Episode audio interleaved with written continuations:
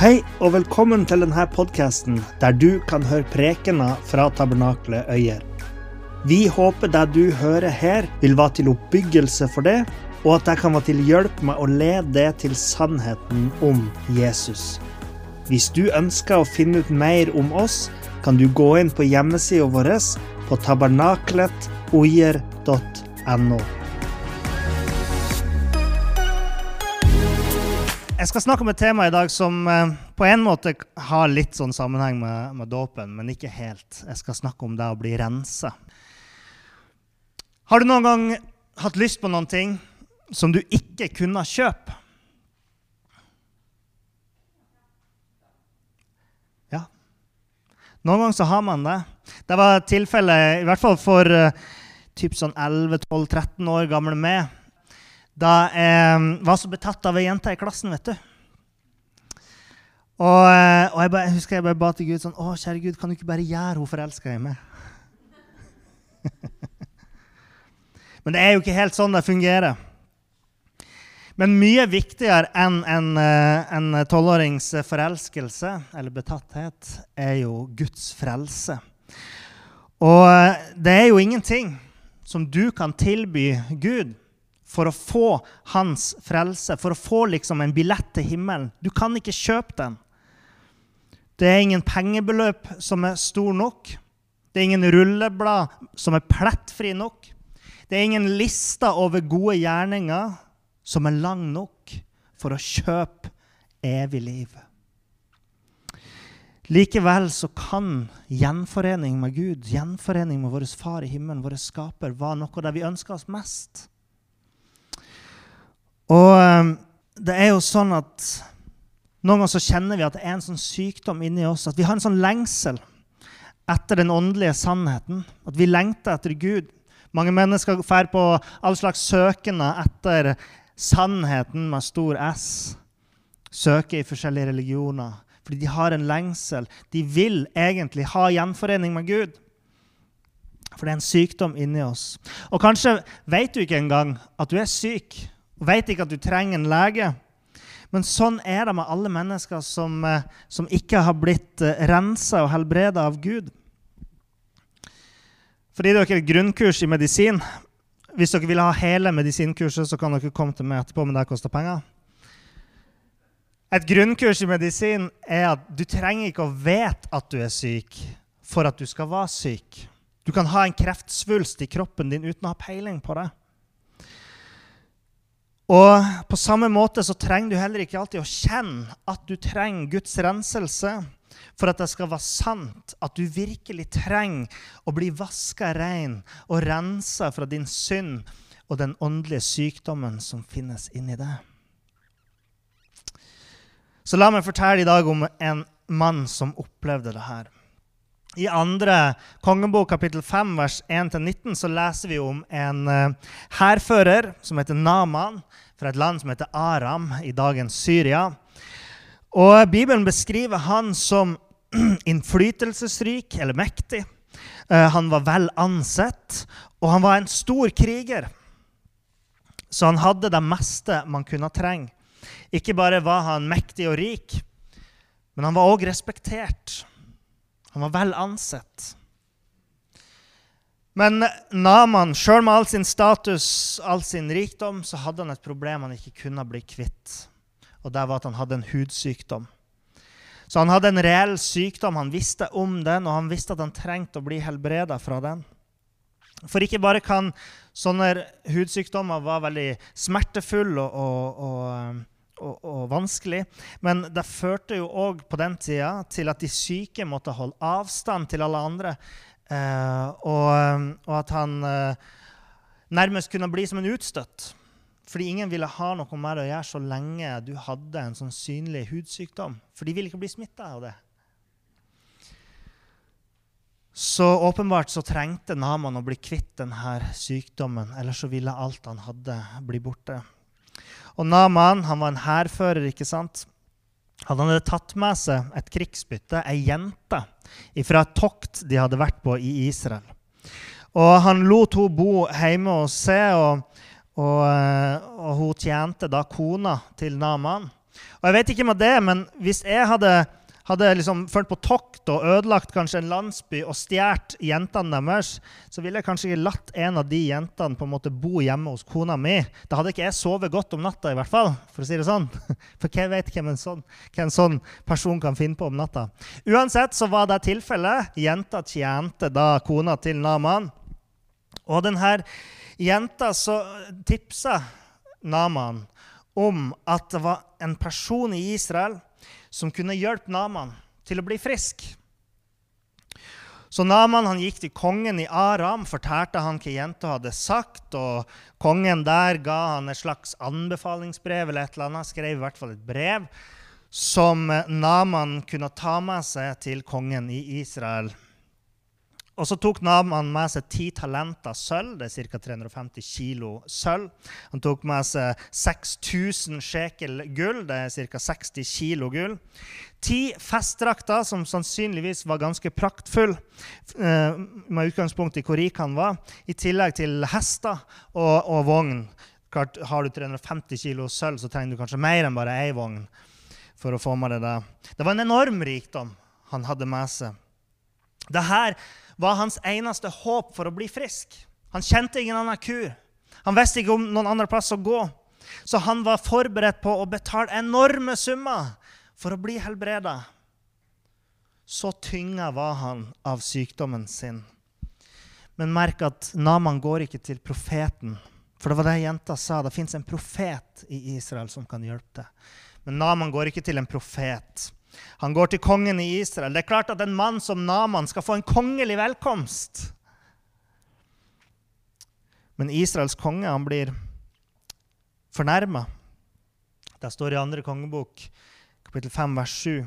Da Israel hadde lest brevet som Naman hadde med fra kongen av Aram, flerret han klærne sine og sa:" Er jeg Gud som rår over liv og død, siden han sender bud til meg for at jeg skal fri en mann fra hans hudsykdom? Nå kan dere se og skjønne at han vil yppe strid meg, mot meg. Kongen hadde jo ingen evne til å helbrede Naman. sant? Det var jo ikke sånn at eh, israelittene var i besittelse av en eller annen form for teknologi eller eller liksom hadde noen ting som kunne helbrede Naman. De hadde ingen medisin som kongen bare kunne dele ut. Nei, hærføreren for et annet land kommer til kongen og ber han om å gjøre noe han garantert ikke kan gjøre. sant? Derfor så mistenker jo Israels konge at dette er bare et triks for å få et eller annet å ta med for. Nå kan de liksom angripe oss for å si at du vil ikke gi oss det vi vet at du har. Og Det var jo selvsagt ikke det Naman hadde tenkt. Han hadde ikke tenkt å angripe Israel eller angripe kongen, men han hadde lyst til å bli kvitt denne sykdommen sin. Han trengte å bli helbreda. Men Naman gjorde ikke det jenta hadde sagt. Hun gikk ikke til denne profeten slik han var bedt om. Det var ikke kongen som kunne hjelpe ham, men det var en profet. Og hvis profeten var som profeter flest på den tida, så ville jo denne profeten i Israel òg være en som adlød kongen. For ofte var det sånn på den tida at profetene var mest der for å si hva kongen ville høre. Og kongen liksom var over profetene. Sånn var ikke tilfellet med denne profeten.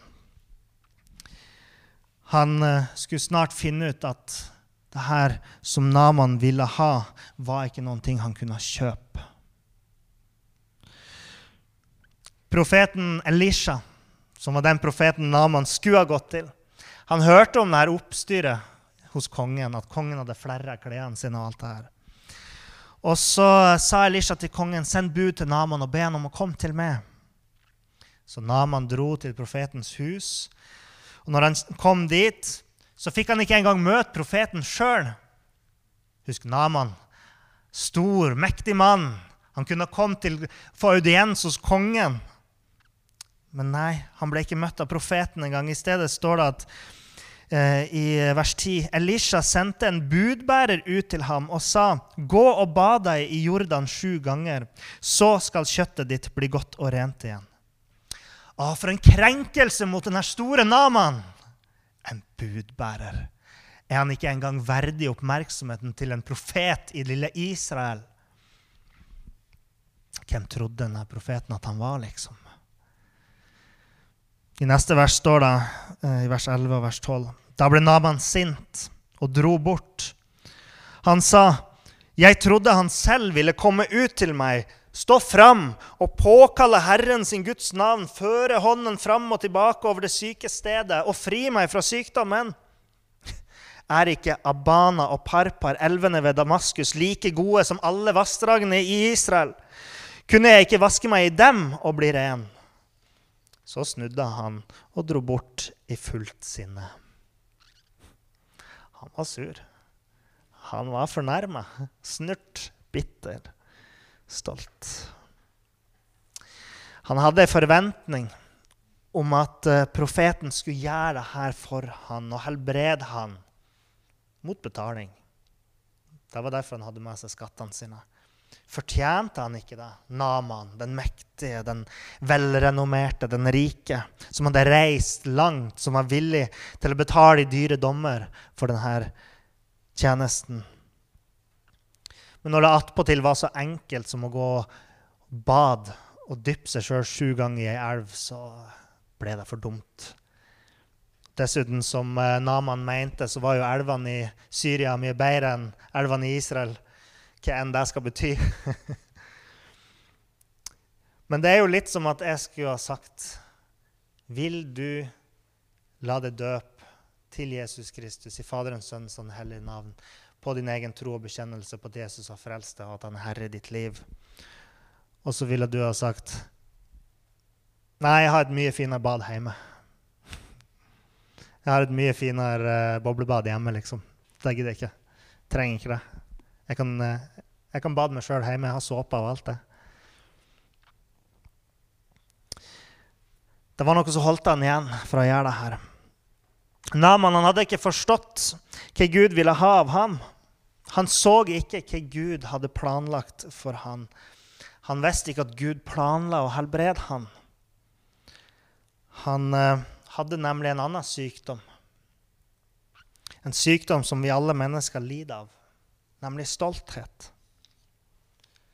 Og Derfor var det så fint å høre når Daniel innleda, så snakka han om det med stolthet. Og så sa han det at jeg vil heller at Gud holder meg ydmyk enn å la meg få seier i alt, sånn at stoltheten skal bli til hinder for meg. Naman hadde denne sykdommen og heldigvis for Naman så hadde han noen kloke tjenere som overtalte han til å likevel prøve å gå til Jordan og bade sju ganger. Hvor ille kunne det være, liksom? Så de sa da at, ja, de sa da at hvis profeten hadde bedt han om å gjøre noe vanskelig Typ Hvis profeten kanskje hadde sagt du må bare klatre opp på det høyeste fjellet, og der så må du være i fire måneder og leve på bare vann, så hadde han liksom gjort det. Så hvorfor kunne han ikke da prøve det her enkle som Elisha hadde bedt han om? Jeg tror at Naman var villig til å gjøre noe vanskelig, fordi da kunne han ha tatt æren for det. Da kunne han, han ha tatt æren for å ha blitt helbreda.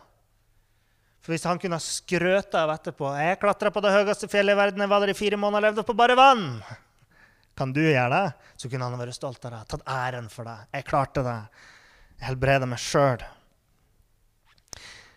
Men hvis han kunne ha tatt æren for det, gjort noe så vanskelig som gjorde at han ble frelst, så kunne han ha bevart sin stolthet òg.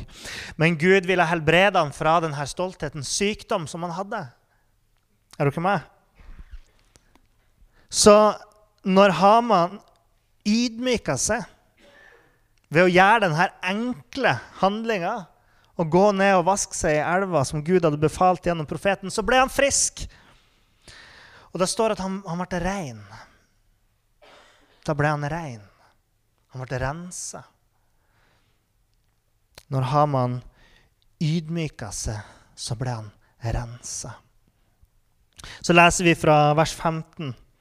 Så vendte han tilbake til gudsmannen med hele sitt følge. Da han kom dit, gikk han fram for profeten og sa, Nå vet jeg at det ikke finnes noen Gud på hele jorden uten i Israel. Ta nå imot en gave fra din tjener. Han vil gi en gave Kanskje er det noe av denne stoltheten som setter igjen. At han fortsatt vil, vil liksom betale for det. Men Elisha svarte. Så sant Herren lever, Han som jeg tjener, jeg tar ikke imot noe. Elisha vil ikke at det skal være noen tvil om at dette var noe som Gud hadde gjort. Elisha vil ikke overlate noen stolthet hos Naman som han kan skryte av. Da sa Naman, når du ikke vil, så la din tjener altså Naman snakker om seg sjøl, la meg få så mye jord eh, som et par muldyr kan bære.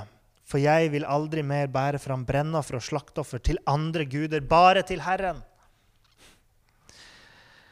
Når han ikke eh, fikk betale, så spurte han heller kan jeg få kan jeg få noe av det. Nå er han ydmyka. Han kan ikke gi noen ting. Han har tatt med seg skattene sine in til ingen nytte. Fordi Gud, Guds frelse kan ikke kjøpes. Guds helbredelse kan ikke kjøpes for penger.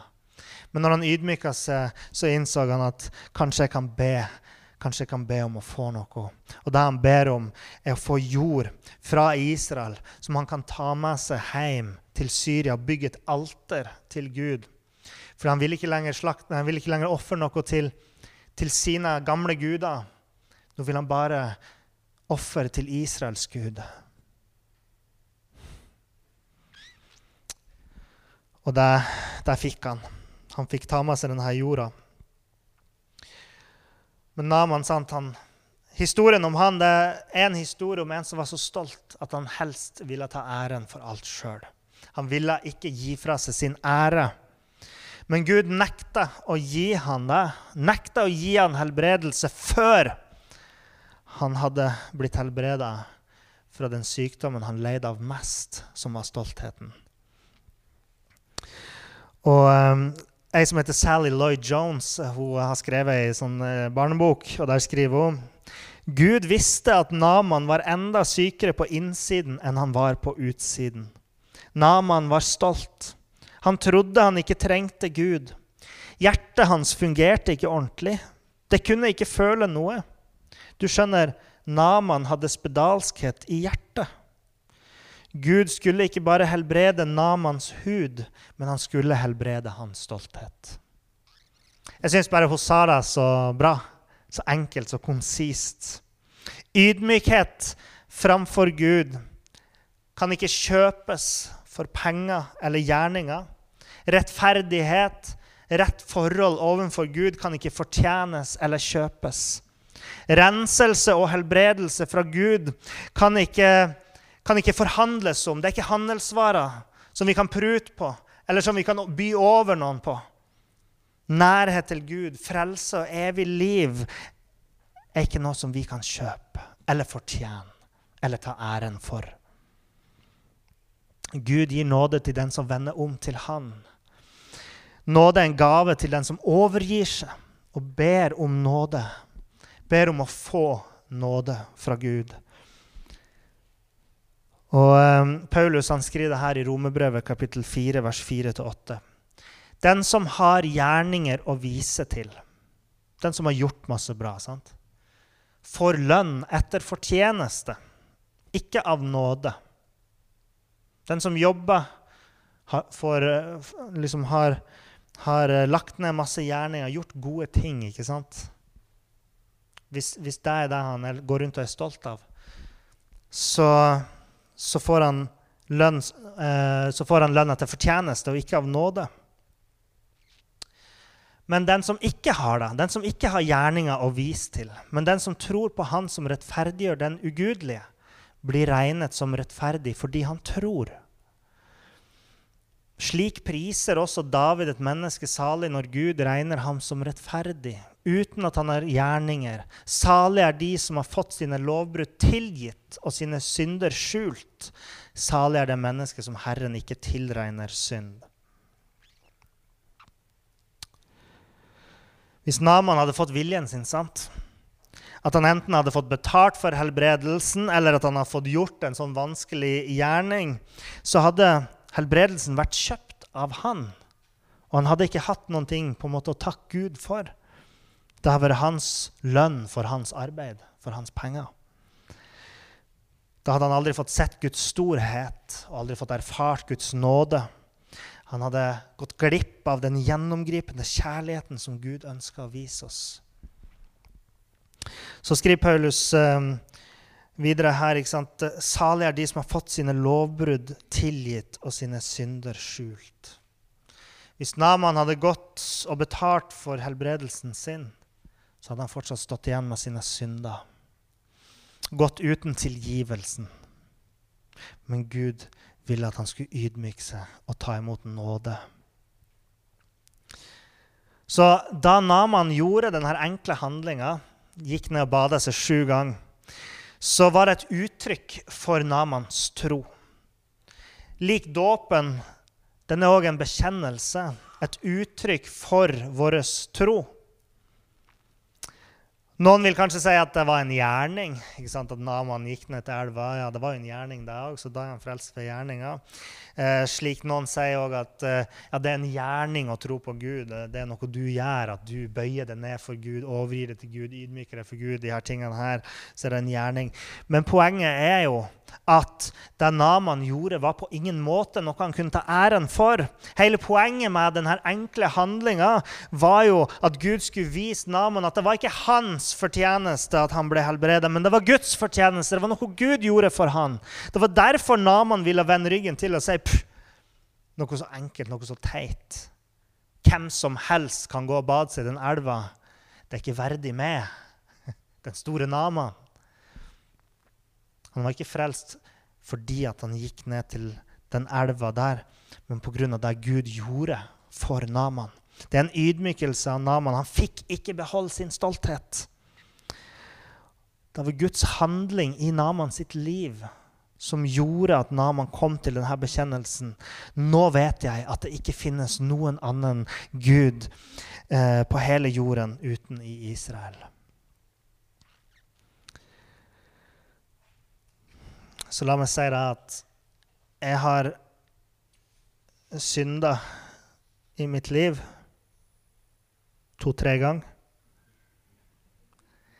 Dere ler, og det er et bra tegn, fordi dere skjønner at jeg tuller. Jeg har synda masse. Jeg har synda stort, kanskje, flere, kanskje, mer enn mange av dere. Og eh, derfor så vender jeg meg til Gud og sier Herre, jeg tror at Jesus døde for min skyld. Jeg tror at han tok straffen for min skyld på mine vegne. Vis meg nåde for det jeg har gjort mot deg. Unnskyld. Kan du rense meg nå? Og det at jeg kommer til Gud og ber om nåde og tilgivelse, er ikke en handling som jeg kan ta æren for. Når jeg gjør det, så har jeg lagt tilbake min stolthet. Jeg har eh, gitt slipp på det jeg kan ta ære for. Det er en overgivelse. Det at jeg tar imot Guds tilbud om nåde. Så nå har det, har det nettopp vært jul, og mange av dere har sikkert fått gaver. Og det her er jo sånn at hvis, hvis jeg gir deg en gave, og du tar imot den, så kan ikke du si å, se her! Nå kan jeg ta æren for denne gaven. liksom. Nei, da takker du meg ikke sant? for at jeg har gitt deg en gave.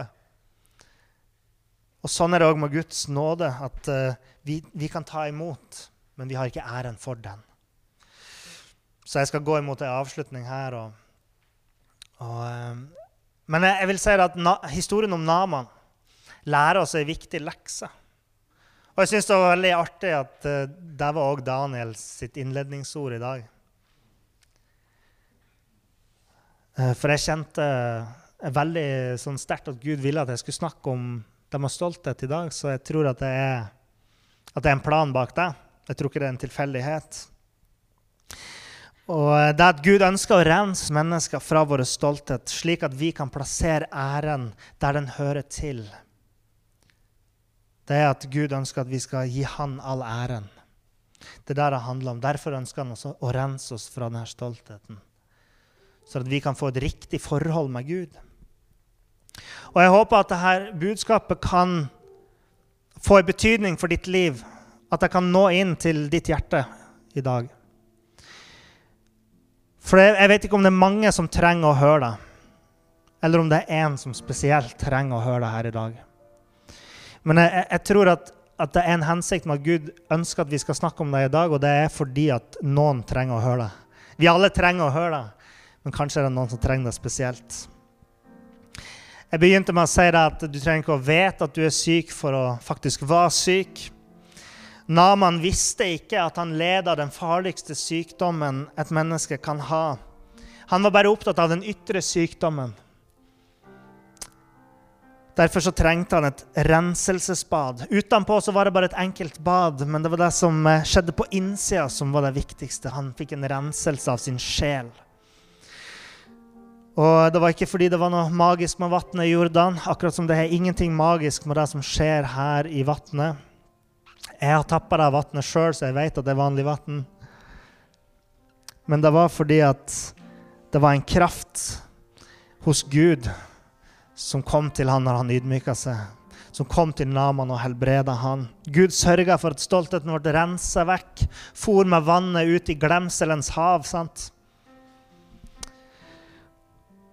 Kanskje ber du noen gang til Gud, og så sier du sånn her Har ikke jeg gjort det og det og det? Ser du ikke at jeg har gjort sånn og sånn? Har ikke jeg holdt meg borte ifra deg og deg og deg? Så hvorfor gir du meg ikke deg og deg og deg? Se på alt jeg har gjort, Gud. Så hvorfor vil du ikke gi meg det jeg vil ha? Hvis du gjør det, så tenker jeg at du kanskje bør tenke på nytt om hvordan du ber. Hvis du ber på den måten. Fordi da prøver du å komme til Gud, og du prøver å si at fordi jeg har gjort så mye bra, så bør du gi meg det jeg vil ha. Det rima, det var ikke med vilje, men det gjorde det. Og eh, jeg har vært borti mennesker som Naman. Jeg har vært borti mennesker som heller vil egentlig kjøpe seg frelse på en eller annen måte. Som kanskje heller vil gå på et høyt fjell og ta æren for at de ble frelst, enn å overgi seg. Og jeg har vært borti de som synes at det høres for enkelt ut at man kan bli frelst bare ved å tro at Jesus døde for vår skyld, og at han tok på seg straffen sjøl, eh, og at han sto opp igjen fra de døde for oss, sånn at vi kan bli frelst. Det finnes de som syns at det høres bare for dumt ut. Det er for, for enkelt. De lever med den stoltheten som holder de borte fra å ta imot nåden men jeg vil si til deg, jeg vil ikke at du skal vende ryggen til deg som kan sette deg fri. Bare fordi du har bygd en sånn mur av din egen stolthet. Bare fordi du, du har et sånn bur rundt deg som du tror beskytter deg, men som egentlig gjør deg svak. Dette er den samme typen sånn religiøs stolthet som fariseerne og de skriftlærde og de, jødiske, eh, de loviske jødene hadde som gjorde at de ikke gjenkjente Jesus som Messias, som gjorde at de ikke gjenkjente han som Guds sønn. De var for opptatt med å se på seg sjøl og sin egen evne til å fortjene det gode og, og fortjene Guds gunst. Det var òg de det som gjorde dem sint da Jesus viste ufortjent nåde til eh, mennesker som prostituerte, som skatteoppkrevere og tollere. og og andre typer syndere og de som levde i skam pga. sykdom. For mange av de som uh, tok imot Jesus, og som trodde på han og som ville følge han, var mennesker som levde i skam. Og du vet, Når du lever i skam, så er du desperat etter å bli satt fri. Fordi skammen er ikke en god følelse. Det er ikke noe som, uh, som gjør at man føler seg bra. Uh, og Jesus han kom og han satte mennesker i frihet. Jesus han helbreda de spedalske og gjenoppretta verdigheten til syndere ved å tilgi dem og si 'gå bort og ikke synd mer'. Uh, og han spiste med de, med de, som var syndige, de som var, var sett ned på i samfunnet. Og uh, det er ikke alltid like lett for de som bærer på stolthet. Den stolte er redd for å tape ansikt. Er redd for å gi opp den æren som de har jobba for. Men noen ganger tenker jeg hva har vi egentlig å være stolt av? Hva har du å være stolt av, liksom? Skal du skryte framfor Gud. Hør her. Gud han har strukket ut ei hand til deg i dag. Gud han strekker ut ei hand til deg i dag, og jeg ber deg om at du skal gripe den. Jeg ber om at du skal la Gud føre deg ned til vannet, sånn at du kan bli rensa. Og vend om fra ditt gamle liv. La Gud fri deg fra den stoltheten som tynger det. Uh, jeg ber om at du skal bli fri i Jesu navn. Gud, han ser det. Gud, han ser din uh, ja, Gud, han ser denne kampen du har inni deg mot ditt eget ego. Gud ser at du prøver å være ei øy for deg sjøl, men han ønsker at du skal bli festa til fastlandet. Jeg vet at det ikke er alltid så enkelt å senke garden, liksom. Og ta ned denne muren som han har bygd opp. Jeg vet at det ikke er lett for deg å ydmyke deg. Jeg skjønner at det er vanskelig å jeg skjønner at det er vanskelig å gi Gud æren, liksom. Men kanskje så vet du allerede hva som er sannheten. Kanskje forstår du allerede med ditt sinn at, at det er riktig å overvise til Gud. At Gud han er den som har makt til å frelse deg. Kanskje vet du da hvor du er på vei hen hvis du ikke tar imot Guds nåde. Så la meg ydmykt stå her og være som en av de her tjenerne til Naman. De som uh, sa til han, men Naman, er det ikke bedre å bare prøve, da? Kan du ikke bare gå ned og prøve å vaske det? Den rollen vil jeg ha i dag og si til deg, kan du ikke bare gi slipp? Og så bare kom til Gud. Ta imot Hans nåde. Og så håper jeg at du vil være som Naman. At hjertet ditt blir mykt, og så, og så bare prøver du å ta imot Guds nåde i dag. La oss be. Herre Far, jeg takker deg for din nåde en ny hver dag, far. Takker for at din nåde den er ny i dag. Og den, du har en kraft til å bryte gjennom eh, steinhjertet til mennesker. Far, jeg bare ber deg akkurat nå om at Den hellige ånd skal, skal, gi en ny nåde inn i livet til de som opplever at de, de holdes borte fra det av sin stolthet.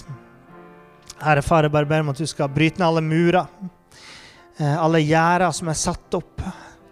Bryte ned alle tårn som har blitt bygd opp, Herre, eh, i egne gjerninger. Og bare riv deg ned og vis din nåde, Herre. Vis hva du har gjort, hvor mye større det er for et verk du har gjort, et frelsesverk, Herre. Vi takker deg for det, og jeg bare ber deg om at jeg skal, at jeg skal stå klart foran alle som trenger deg her i dag. Jeg takker deg for det, far.